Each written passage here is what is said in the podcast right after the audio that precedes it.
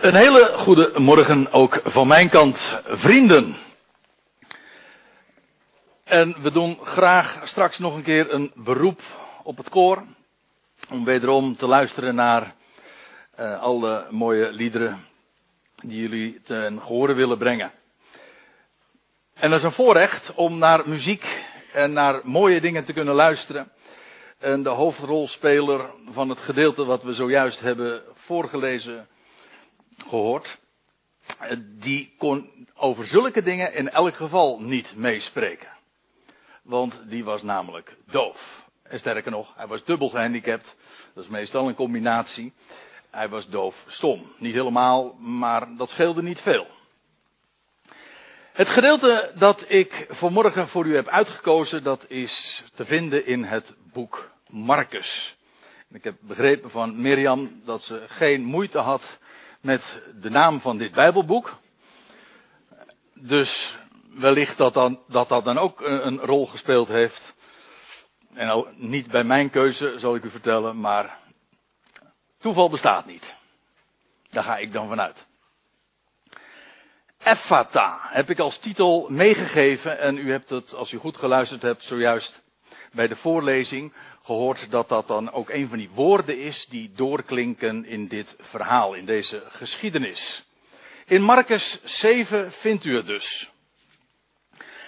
En laten we eerst eens eventjes naar de context kijken, de samenhang waarin dat geplaatst is. Als u het voorgaande leest, dan, dan lees je dat de Heer uh, actief was. Niet helemaal goed zeg ik het op deze manier. In het noorden van Israël, dan zeg ik opnieuw weer niet helemaal goed, ten noorden van Israël in wat we tegenwoordig Libanon noemen. Daar had de Heer zich teruggetrokken.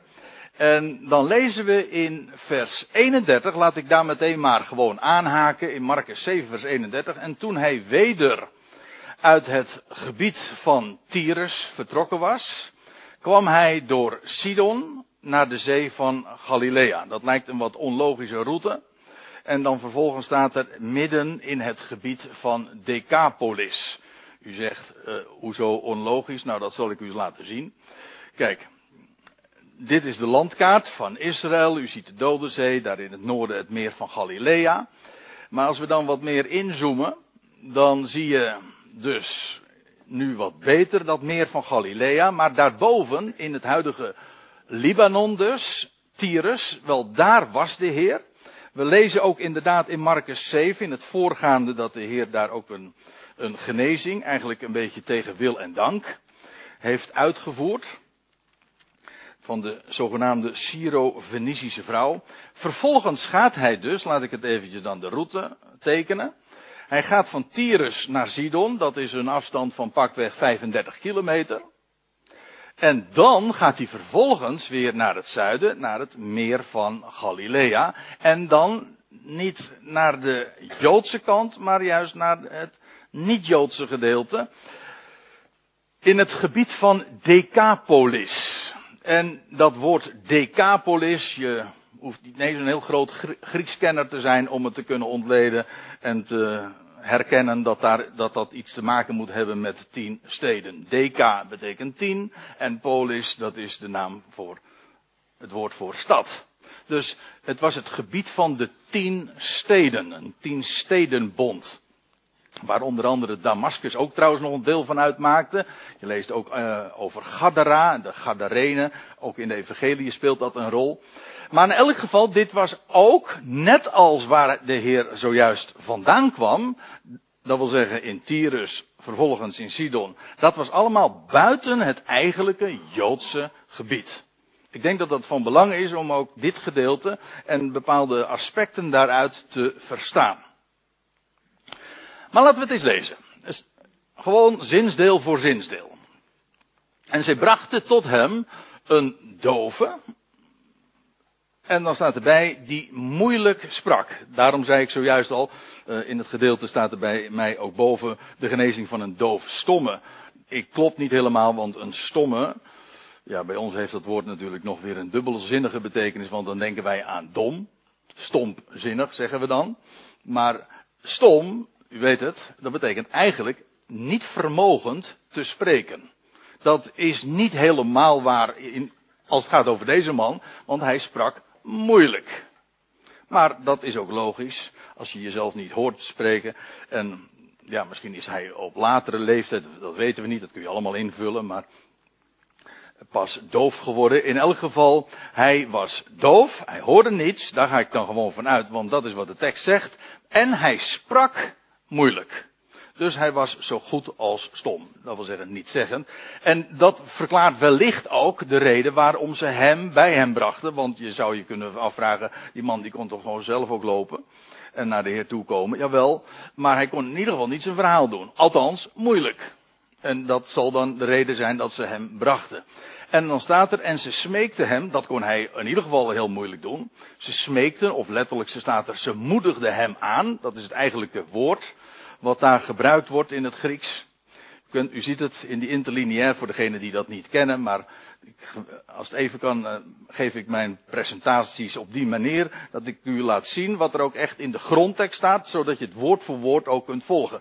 Waarbij de eerste regel, dat zal u niet verbazen, dat is de Griekse grondtekst. Dat wil zeggen, zoals Marcus het ooit heeft opgetekend. Vervolgens, de tweede regel is de meest letterlijke, zogenaamd concordante weergave. Zoveel als mogelijk één op één weergegeven. En daaronder, die grijze weergave, daar moet je niet te veel op letten. Uh, als, ik het, als, uh, als ik het even oneerbiedig mag zeggen. Want dat is namelijk de wijze zoals het is vertaald. Uh, wat vrijer dikwijls. In elk geval, zo kunt u het ook een beetje meelezen en kunt u ook de spreker kritisch volgen. Dat is altijd een hele goede tip. Ja, niet alleen voor deze spreker, maar dat geldt in het algemeen. Zodat je als een bereer ook na kan gaan wat er gezegd wordt. Klopt het? Is, komt het overeen met dat wat er staat geschreven? Afijn. Zij smeekten of ze moedigden hem aan, uh, hem aan, dat wil zeggen Jezus, deze de hand op te leggen, om hem aan te raken. Hoe vaak lezen we niet in de evangelie dat eh, de handen worden opgelegd, om zich één te maken met. En dan gebeuren er dikwijls grote wonderen. Dat doet de Heer, maar dan wel op een andere manier. Eigenlijk legde hij hem niet zozeer de hand op. Wij denken bij handoplegging meestal dat het de hand dan op het hoofd gelegd wordt. Dat hoeft niet. Je kan een hand ook op je hand leggen of op de, op de schouder. Afijn, dikwijls, uh, nou ja, dat is misschien wat overdreven, maar in ieder geval bij bepaalde gelegenheden lees je ook dat de Heer uh, de hand legde op de bewuste plek die genezen moest worden. De vinger op de zere plek, zoals wij dat dan noemen. Dat is hun vraag. Met de verwachting uiteraard, als dit gaat gebeuren, dan gaat er ook daadwerkelijk een wonder plaatsvinden. Daar rekenden zij op, want anders, waarom zouden zij anders dat verzoek hebben gedaan? En hij, Jezus, nam hem terzijde buiten de schade. Dat is eigenaardig. Als je trouwens even doorleest in het Marcus Evangelie, dan kom je dus in Marcus 8, dat begrijpt u. En dan lees je dat op een gegeven ogenblik de Heer arriveert in Bethsaida. En dan lees je een soortgelijke geschiedenis. Alleen gaat het dan niet om een dove, maar om een blinde. En dan doet de Heer eigenlijk ook min of meer dezelfde dingen. En hij neemt hem ook buiten de schare. Hier lijkt me dat niet zo moeilijk te verklaren. De Heer was niet uit op sensatie.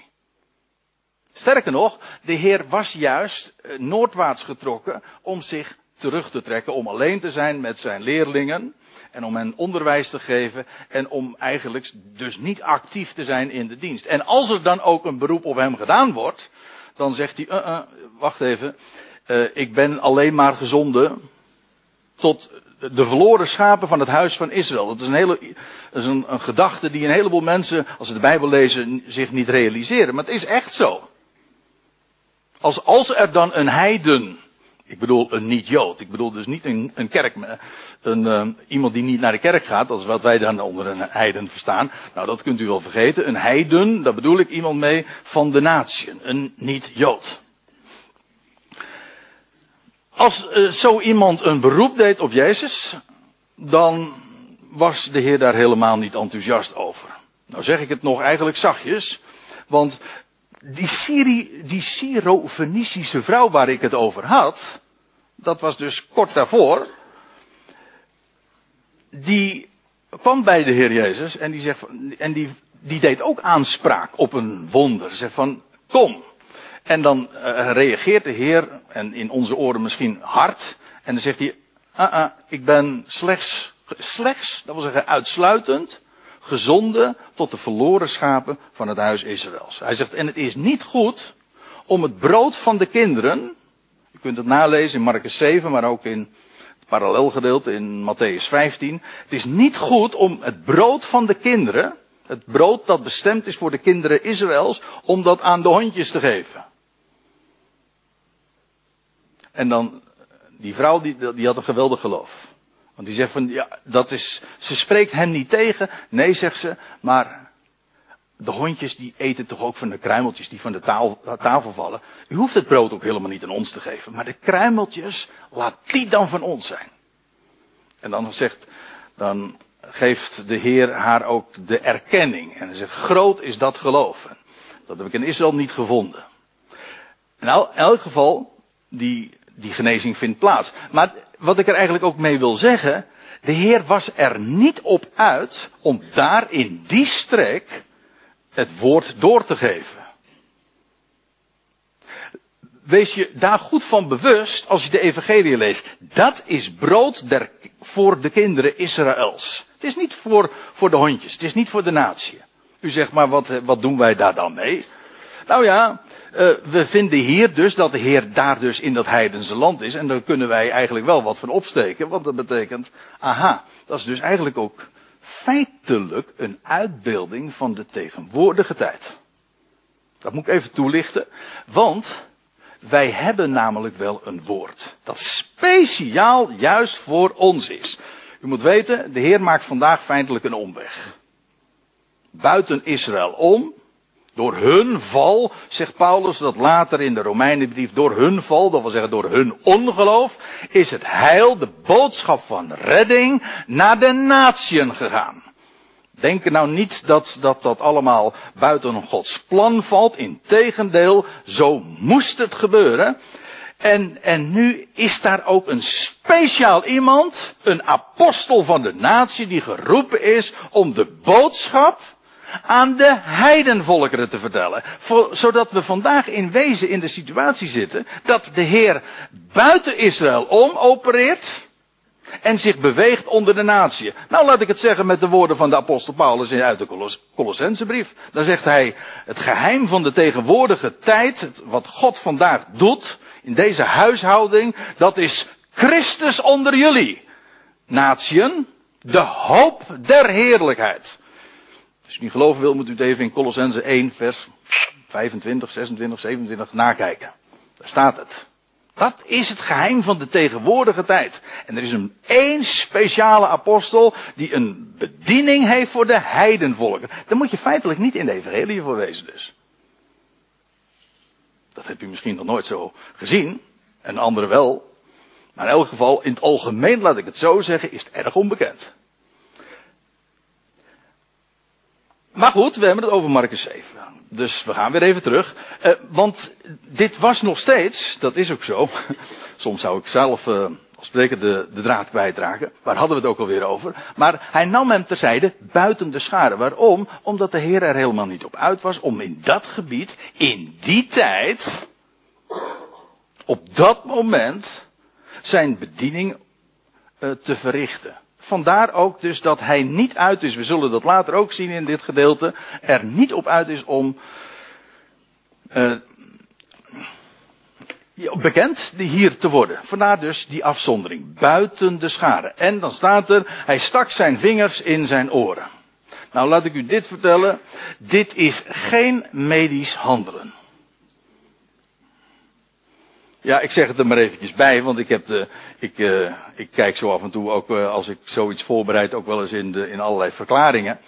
En ik, uh, soms vind ik dat als je, ik zit dan alleen, dus je houdt je in, maar is het eigenlijk soms echt lachwekkend wat je leest hoor. Neem me niet kwalijk. Want dan lees je dan dat, uh, ja, dat was ook in verband met het volgende. Want dan lees je van dat de Heer vervolgens spuwde. En dan zeg je, ja, dat kwam omdat men in die dagen ook aan speeksel een, een gezondmakende werking toekende. Dan denk ik van ja, en als dat dus niet waar is, dan conformeert de Heer zich daaraan en vervolgens geneest hij juist daardoor. Hebt u de logica? Ik, ik vind het vreemd. Ik vind het een vreemd verhaal. Maar in ieder geval, lijkt me toch duidelijk, mensen, dat als de Heer eh, bij deze dove man de vingers in de oren steekt, dat dat geen medisch handel is. Maar dat, dat is, lijkt me nogal klaar. Dat is duidelijk. Het is, niet het is geen medisch handelen, laat ik het zo zeggen. Het is typologisch handelen. Dat, en met typologie bedoel ik dat, dat daar een type in ligt. Er, het verwijst naar, er zit een diepere zin in. En dat is in het algemeen trouwens met die wonderen die de Heer doet. Dat zijn maar geen wonderen aan zich. Natuurlijk is dit een wonder. Een groot wonder. Ze waren allemaal buiten zichzelf als dit plaatsgevonden heeft. Maar het is een teken. En een teken betekent dat het een betekenis heeft. En dat zie je heel vaak. Eh, ik, ik, ik, verwijs naar een geschiedenis, je leest in Johannes 9, over een man die blind geboren is. En die man, die wordt dan ook genezen. Trouwens ook met speekselen en zelfs nog met modder. Heel merkwaardig allemaal. Maar dan wordt dat uh, vervolgens, ja, dan ontstaat er een hele, hele discussie met de Joodse leiders en dergelijke. En dan zegt de Heer van, begrijpen jullie niet wat hier aan de hand is? Jullie zelf zijn blind. Ja, niet fysiek, maar in de geestelijke zin des woords zijn jullie blind. En elders wordt daar ook inderdaad gesproken over, jullie zijn doof. Doof namelijk, jullie zijn niet bij machten te verstaan wat het woord zegt. Horende zijn jullie doof. Dat kan. En daarom dit gedeelte gaat maar niet alleen over iemand die werkelijk, en dat is ook zo, die fysiek inderdaad doof en zo goed als stom was. Ja, maar het gaat om de geestelijke betekenis. Dat wat de Heer doet, daar zit een geestelijke betekenis. Dat was de echte betekenis. En dan blijkt de toepassing ineens ook veel breder te zijn. Want ik zal u vertellen, er zijn heel veel dove mensen in de wereld. En dan horen ze misschien het woord, maar ze zijn er volstrekt doof voor. En ze zien de dingen in de schrift, maar ze zijn er blind voor. Ziet u? Ziet u? Dat, dat dit, dat daar gewoon een laag onder zit. Hij stak zijn vingers in zijn oren. En in dit geval is dat ook niet zo moeilijk te herkennen. Want je leest in, uh, om maar wat te noemen, in Psalm 40 vers 7. Dat is een speciaal verband, dat doet er nu even niet ter zake. Maar dan lees je dat al, ja, dan gaat het ook om iemand gehoor geven. Gij hebt mij de oren doorboord. Er staat hier ook trouwens. Uh, later wordt er gesproken over de gehoorganger van deze mensen, letterlijk.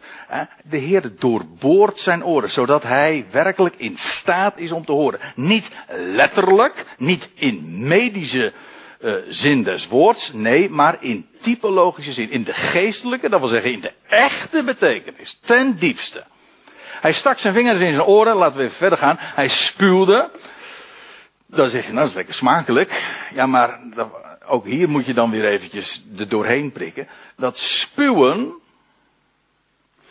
uh, dat heeft uh, een, een, ook hier een, een, figuurlijke betekenis. Je leest, uh, ik noemde zojuist die geschiedenis van die blind geboren in Johannes 9, daar lees je dat ook. En we vinden bij die geschiedenis in Marcus 8 over die blinde van Bethsaida, dat de Heer ook iets soortgelijks doet, ook spuwde. Maar de betekenis daarvan is, kijk, speeksel dat uit de mond komt is in feite een beeld van het woord. Kijk, wat komt er uit je mond? Dat is woord. Ja, en sommige mensen die spreken nog met consumptie, u weet het, hè? u zit op veilige afstand van mij, dus het valt voor u al mee. Hè? Maar dan eh, met het woord geef je meteen ook water mee. Je hebt ook spraak water nodig, trouwens, nou ik het erover heb, krijg er dorst van. Maar om het te spreken heb je water nodig en dat is, dat speeksel. Het, het water in de Bijbel, dat moet je ook weten, in de Bijbel is zo dikwijls een beeld van woord. Dat het, het water des levens. En ik geef u het water des levens. En wie mijn woord hoort, het zal in hem eh, ontspringen als een fontein. Nou ja, het, zijn, er zijn tal van voorbeelden in de Bijbel te geven waarbij water inderdaad dat voortkomt uit, uit een fontein. Dat is een beeld, een uitbeelding van woord. Als de Heer spuwt, dan is dat een uitbeelding van het woord dat uit zijn mond komt. Dat wat, laat ik het dan zo zeggen, dat wat uit de mond voortkomt. Het eerste waarbij je dan denkt, dat is fysiek gezien, dat is speeksel. Dat komt uit de mond voor, ja, maar het is een uitbeelding van woord. En dan woord, maar niet met een kleine letter, maar met een hoofdletter. Dat wil zeggen, zijn woord. Hij spuwde, hou hem even vast, vervolgens staat er nog bij, hij raakte zijn tong aan. Ook hier weer, met recht, de vinger op de zere plek. Ik stel het me zo voor dat hij het spuwde en hem zo met zijn vingers zijn tong aanraakt. Ja, zoals hier beschreven wordt, het is heel, zoals, zoals ze dat noemen, heel filmisch beschreven. Het is de, de manier waarop het beschreven is heel zintuigelijk. Degene die dit heeft opgetekend, dat, het, is, het is het getuigenis van een ooggetuige. De wijze waarop het eh, beschreven wordt, de details. Het is trouwens, Marcus was trouwens zelf geen ooggetuige, maar hij heeft het wel opgetekend uit de mond van een ooggetuige, namelijk de heer, eh, pardon, uh, Petrus. Hoogstwaarschijnlijk, dat ga, dat ga ik nou niet uitleggen, maar waarschijnlijk is het, heeft hij het van Petrus vernomen en Petrus, die, die, die heeft hierbij gestaan. Die was hierbij en die heeft dit gezien en die heeft dit zo allemaal in zich opgenomen. Hij herinnerde zich de kleinste details nog. En zo heeft, die, heeft Marcus het vervolgens ook opgeschreven. De Heer raakte zijn tong aan. In het Grieks staat hier trouwens een woordje dat we ook wel kennen.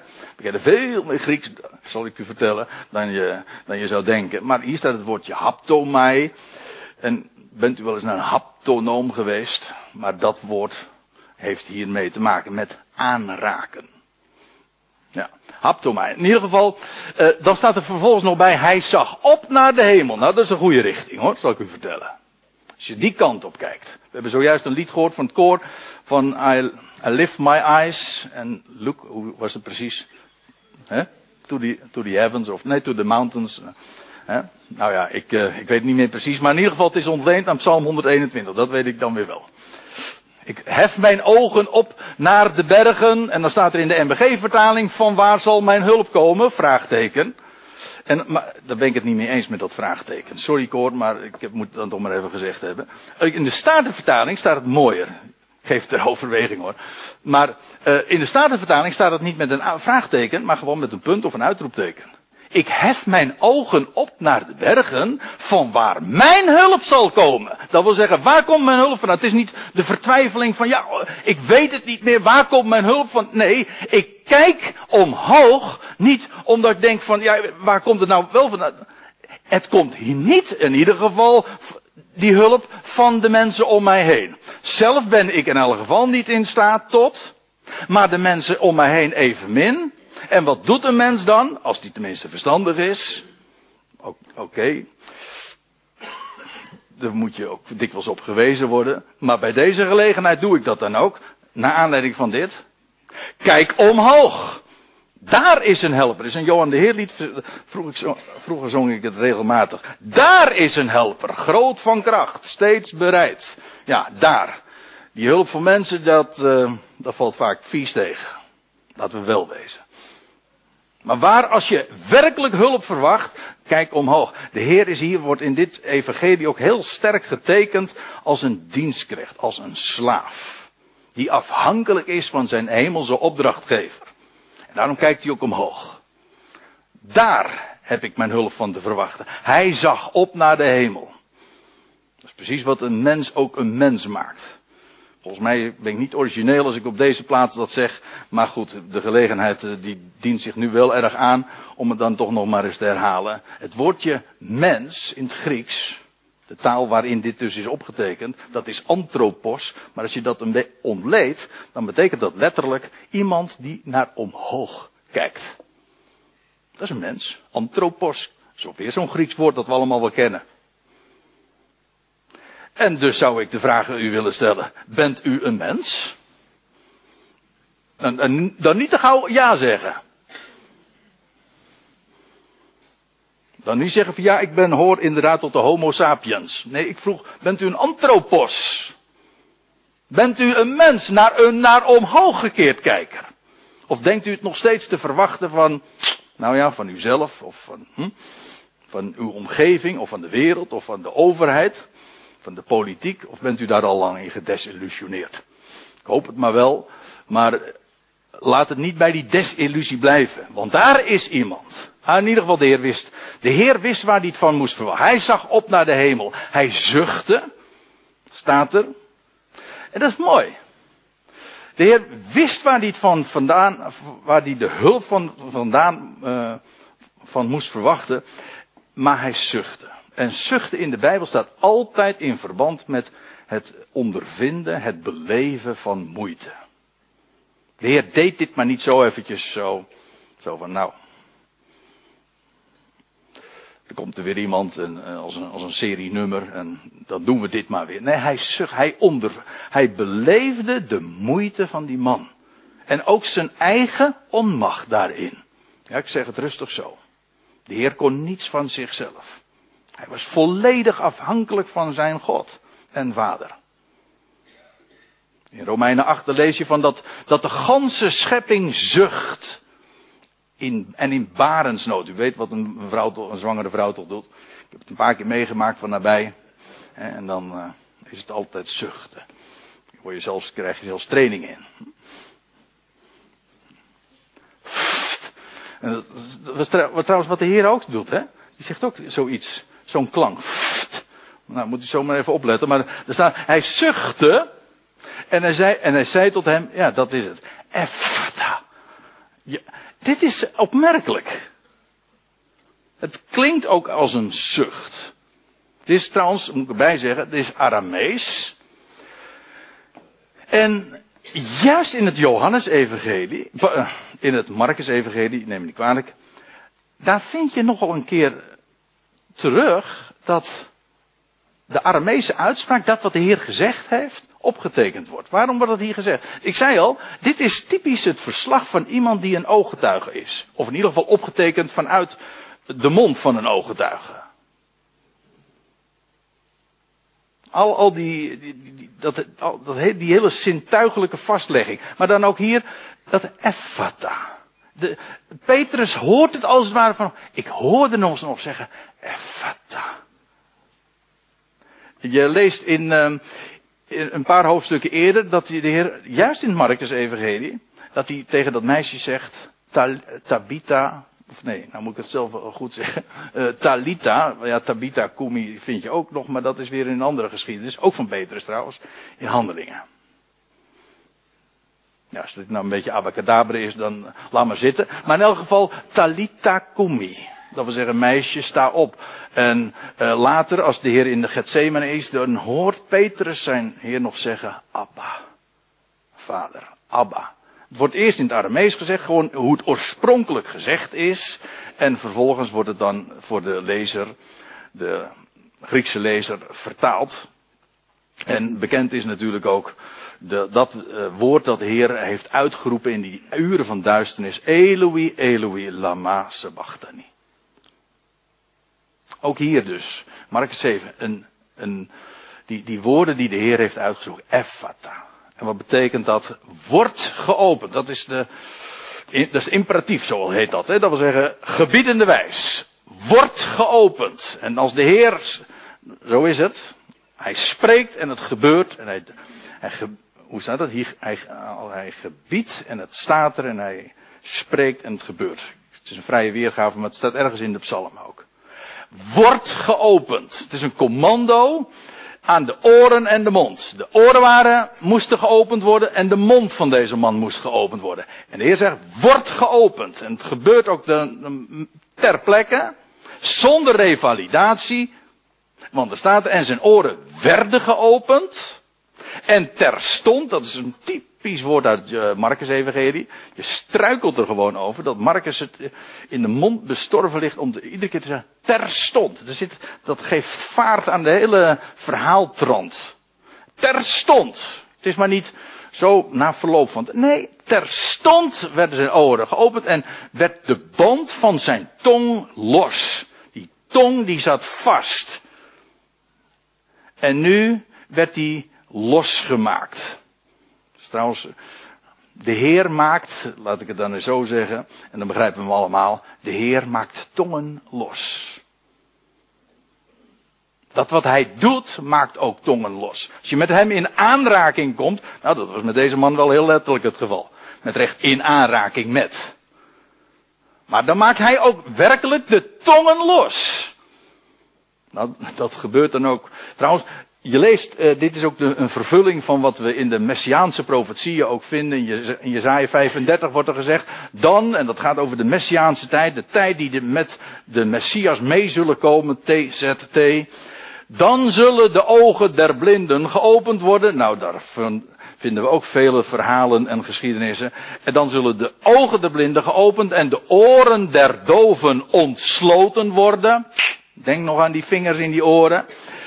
En dan zal de lamme springen als een het en de tong van de stomme zal jubelen. Die wordt losgemaakt. Degene die onvermogend is om te spreken, die wordt hier ter plekke, terstond ook sprekend gemaakt. Wat zeg ik? Jubelend.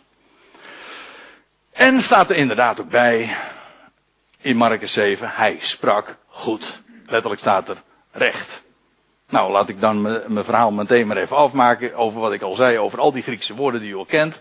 als, je, als je tanden niet recht staan, dan ga je naar de orthodontist. Zodat ze weer recht gaan staan. En als het met de opvoeding een beetje misgaat, dan ga je naar de.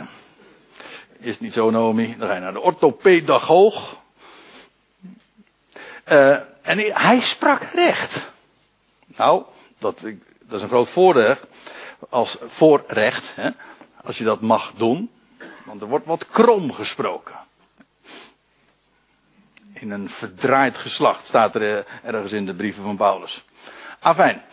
Dit is trouwens ook een vervulling van een messiaanse profetie. Want even, als je even terugbladert in datzelfde boekje Zaaien waar ik zojuist uit citeerde, dan staat er dan, dan zullen de ogen der zienden niet meer verblind zijn en de oren der horenden zullen opmerken. Het hart van de onbezonnenen zal inzicht en kennis verkrijgen en de tong van de stamelaar, dit was een stamelaar, hij sprak moeilijk, zal in staat zijn tot duidelijk spreken. Dat is precies wat hier gebeurde. En hij gebood hun, dat is dan uh, wat vervolgens gebeurt. En hij gebood het hun niemand te zeggen.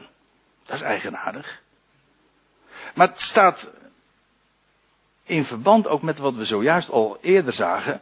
De Heer was hier in een heidense omgeving. Dat was niet zijn missiegebied. Daar was hij niet toegezonden. Hij ging naar het huis van Israël. Hij zocht niet de sensatie. Het was hier niet de juiste plaats. En trouwens ook nog niet de juiste tijd om dit wereldkundig te maken. Hij waarschuwt dan ook dat lees je trouwens bij meerdere gelegenheden ook, dat de Heer Jezus tegen zijn discipelen of tegen anderen ook zegt, maak absoluut niet bekend dat Hij is de Christus. Dat zou ook prematuur zijn. Pas na zijn opstanding zou hij daadwerkelijk en definitief verklaard worden tot de Christus. Voor die tijd mocht dat niet al te zeer bekend worden, of helemaal niet bekend. Hij gebood het hun niemand te zeggen, maar dat vind ik dan weer zo leuk. Hè? Kijk, dan staat er, maar hoe meer hij het hun gebood, des te meer maakten zij het rugbaar. Er hoefde geen evangelisatiecommissie in het leven geroepen te worden. Om te zeggen van ja, dit moet vervolgens wel verteld worden en hoe gaan we dat dan doen? Ik zal u dit vertellen. Als je een goed bericht kent, echt kent, dan is het onmogelijk om het voor je te houden. En dit is een schitterend, uh, een schitterend uh, voorbeeld daarvan. Een prachtige illustratie. Als je, een goed, als je een goed bericht kent, waarom een goed bericht vertelt zichzelf? Ik bedoel, dat is gewoon een algemeen principe. Het gaat me nu niet alleen om de boodschap die je van God hoort. Ik bedoel, dat is het echte goede bericht. Maar in het algemeen. Je bent geslaagd voor je examen. Je dacht dat je het zou, niet zou halen. Je bent geslaagd voor je examen. Hou het dan maar eens voor je. Dat lukt je niet. Nou, laat ik het zo zeggen, dan, daar moet je moeite voor doen om dat niet te vertellen. En ik ben altijd zeer argwanend als mensen, als mensen dan aange, geleerd worden. En ik heb het heel vaak in kerken en gemeenten gehoord. En dan wordt er gezegd van ja, wij moeten wel het evangelie vertellen. En dan denk ik, oh my goodness zeg. Hou alsjeblieft je mond aan. Want als het er op die manier uitkomt, dan komt er geen evangelie uit. Dat laat ik u vertellen. Want nou, als je echt een goed bericht kent, dan kun je verbieden wat je wil, maar dan gaat het er toch wel uit. En, en als je geen goed bericht kent, en je gebiedt het om het te vertellen, of in ieder geval het, het zou toch eigenlijk moeten, dan komt er geen goed bericht uit. Dat blijkt dan ook vaak, vaak wel, maar goed. Breek me de bek niet open, denk ik dan. Dat is echt zo. Echt een goed bericht. En dat is, de Heer zorgt daarvoor. Hij opende hier uh, de oren van deze man en hij maakt de tong los. En ja, niet alleen van die man zelf, maar kennelijk ook die omstanders die dat hebben gezien. Ja, die kunnen daar niet over zwijgen. Ik heb juist gisteren nog een stukje geschreven op mijn website. Dat, uh, dat ging over. Ik, ja, het komt me nou zo voor de, voor de geest, omdat ik daar nog mee bezig ben. Maar het ligt helemaal in dezelfde lijn. Dat, gaat, dat ging over de uitdrukking tot geloof komen. In de moderne Bijbelvertalingen wordt heel vaak de uitdrukking gebruikt dat mensen tot geloof kwamen. Ik zal u dit vertellen, in de grondtekst staat het niet. Je komt niet tot geloof. Je gelooft gewoon. Als je dan in interlineair kijkt, dan staat er gewoon, en mensen geloofden. Ze kwamen niet tot geloof. Ik zal het u vertellen, het is precies omgekeerd. Je komt niet tot geloof, geloof komt tot jou. Het is een geschenk. Een godsgeschenk. Hij opent oren. Hij opent harten. Hij opent de ogen van blinden. Zodat je ineens kan zien. En het oog dat ziet, het oor dat hoort, beide heeft de Heer gemaakt, staat er in het boek Spreuken. Dat is geen verdienste. Het feit dat ik u kan zien en u mij kan zien, dat is toch geen verdienste. Goh, wat een prestatie dat ik kan, kan kijken, dat ik iets kan zien. Als je de rijkdom van het woord kan zien, als je dat kan verstaan, dank God op je blote knietjes dat dat kan. Dat Hij jou dat vermogen geeft. Dat is geen prestatie. Wat voor onzin. Het is geen, ja, sorry, ik werd een beetje getriggerd vanmorgen toen ik daar stond. En toen zag ik dit. Het was de eerste keer dat het me opviel. Creativity is a choice, not a gift. Nou, uh, over creativity, daar zullen we het maar niet hebben. Maar over geloof is dat in ieder geval niet waar. Geloof is een gift. Een gave. Het is wel zo, als u nou hier zit, of als jij hier zit, en je zegt van nou, het is me allemaal niet helemaal duidelijk wat jij nu vertelt. Ik versta het allemaal niet. Maar ik zou het eigenlijk wel willen verstaan. Dan heb ik een hele goede tip voor u. Of voor jou vervoeg je bij diezelfde man als waar deze, bij deze man zich bij vervoegde. Zeg dan, ik wil horen. Hij laat je niet staan, dat kan ik u vertellen. Hij opent je ogen voor zijn woord. En hij opent je oren voor zijn woord. Nou ja, en dan kun je er niet meer over zwijgen. Ze maakten het rugbaar. Ze, des te meer maakten ze het rugbaar. Dat hou je niet voor je. Dat vind ik het geweldige van een, werkelijk een blijde tijding. En dan staat er in het laatste vers, want ik moet echt opschieten. Uh, hm? Oh, ik dacht dat ik uh, geïnterrupeerd werd. Maar er staat er in vers 37, en ze, waren, en ze waren buiten zichzelf van verbazing. Ja, kunt je voorstellen zeg. Een man die ze kennelijk allemaal goed gekend hebben. En die daar, bij, bij wie dit wonder uh, eens gebeurde. Hij was doof. En hij kon nu horen, maar dat niet alleen. Hij sprak zo moeilijk. En nu sprak hij in ene keer recht. Ja, dan je, als je dat ziet, dan, je, dan is deze reactie toch niet zo gek. Ze waren buiten zichzelf van verbazing. En zij zeiden, hij heeft alles wel gemaakt. Als u het mij vraagt, dat is ongeveer de samenvatting van het evangelie, van het echte goede bericht. Hij maakt alle dingen wel. Waarom? Hij is God. Ik bedoel, God deed dit door zijn zoon. En hij maakt alle dingen wel. Alles is in zijn hand. En zelfs het, het loutere feit dat deze man doofstom was, dat heeft ook een betekenis. Dat was ook niet zomaar. Want sommige mensen denken de Heer geneest, maar de Heer maakt niet ziek. Nou, dat staat te bezien. Je leest in Mark, in, uh, ergens in het boek Exodus, ja, al bij de roeping van, van, van Mozes, dat, de dat Mozes dan ook bezwaar maakt tegen zijn roeping. En dan zegt hij, en dan zegt hij, ik kan helemaal niet spreken. En dan zegt de Heer tegen, tegen Mozes, wie maakt, wie maakt stom en wie maakt spreken? Wie maakt blind en wie doet zien? Ik ben het. De Heer doet het een en het ander. En die man die blind geboren ooit was, dat lees je in Johannes 9, dat is de derde keer dat ik er nu naar verwijs. Dan lees je ook van, ja, waarom is die man nou blind? Waarom is die man blind geboren? Nou, opdat de Heer hem ziende zou kunnen maken, dat was het onder.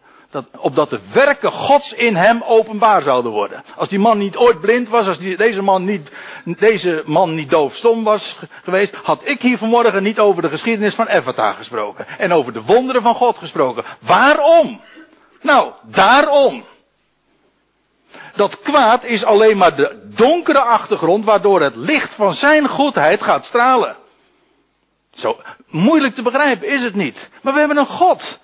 En omdat hij God is, heeft hij alles in zijn hand, gaat er nooit iets mis en brengt hij alles dus ook tot een goed einde. Waarom? Hij is God. Er is niets wat hem verhindert om dat te doen wat hij beloofd heeft en wat hij voornemens is. En hij maakt echt alles goed. Ik bedoel, alles. Niet alleen met deze man. Want als we nou het hele plaatje uitvergroten, dan is dit een universele waarheid. Het evangelie is de boodschap. God maakt alle dingen wel. Alles. Voor iedereen. En dan staat er ook nog bij, ook de doven doet hij horen en de stommen spreken. Nou, laten we het nu eventjes inderdaad breed trekken. En niet alleen maar betrekken op mensen die fysiek doof zijn en stom, maar in het algemeen. De mens die doof is voor het woord. En wat God te zeggen heeft. Ik zal u dit vertellen. En die dus ook niet. Ja, dat is logische gevolg. Als je daar doof voor bent, dan ben je dus ook niet vermogend om daarvan te, blij te getuigen. Maar God opent oren. God opent harten. En ik zal u vertellen, wie Jezus is, als je dat nu al mag weten, dat is een groot voorrecht. Dat komt omdat hij, dat is niet een choice, dat is een gift. Dat komt omdat hij jouw oog en oor en hart daarvoor geopend heeft. Maar één ding weet ik zeker, er komt een moment dat iedereen dat zal weten. En getuigen ook. Dan zullen ze verstaan wat God te zeggen heeft. Dan zullen ze weten, Hij is inderdaad Jezus. Dat wil zeggen, Yahweh redt. Wie? Hij redt. Zo. Zonder limits. Iedereen. Alles. Op zijn tijd. En elke tong, ja ja, elke tong wordt losgemaakt. Dat is geen lippendienst, hè. Dus niet de lippen gaan open. Want met de lippendienst dan kan er zoveel gefaked worden. Nee, de tong, dat zit van binnen. Van binnenuit zal men zeggen, Jezus, Hij is Heer. Hij is de Curios. Hij heeft alles in handen. En zo zie je dat Hij inderdaad alle doofheid in de breedste en diepste en hoogste of de meest fundamentele zin des woords gaat opheffen. En alle tongen los gaat maken tot eer van zijn naam. En laten wij ook een lied daarover gaan zingen.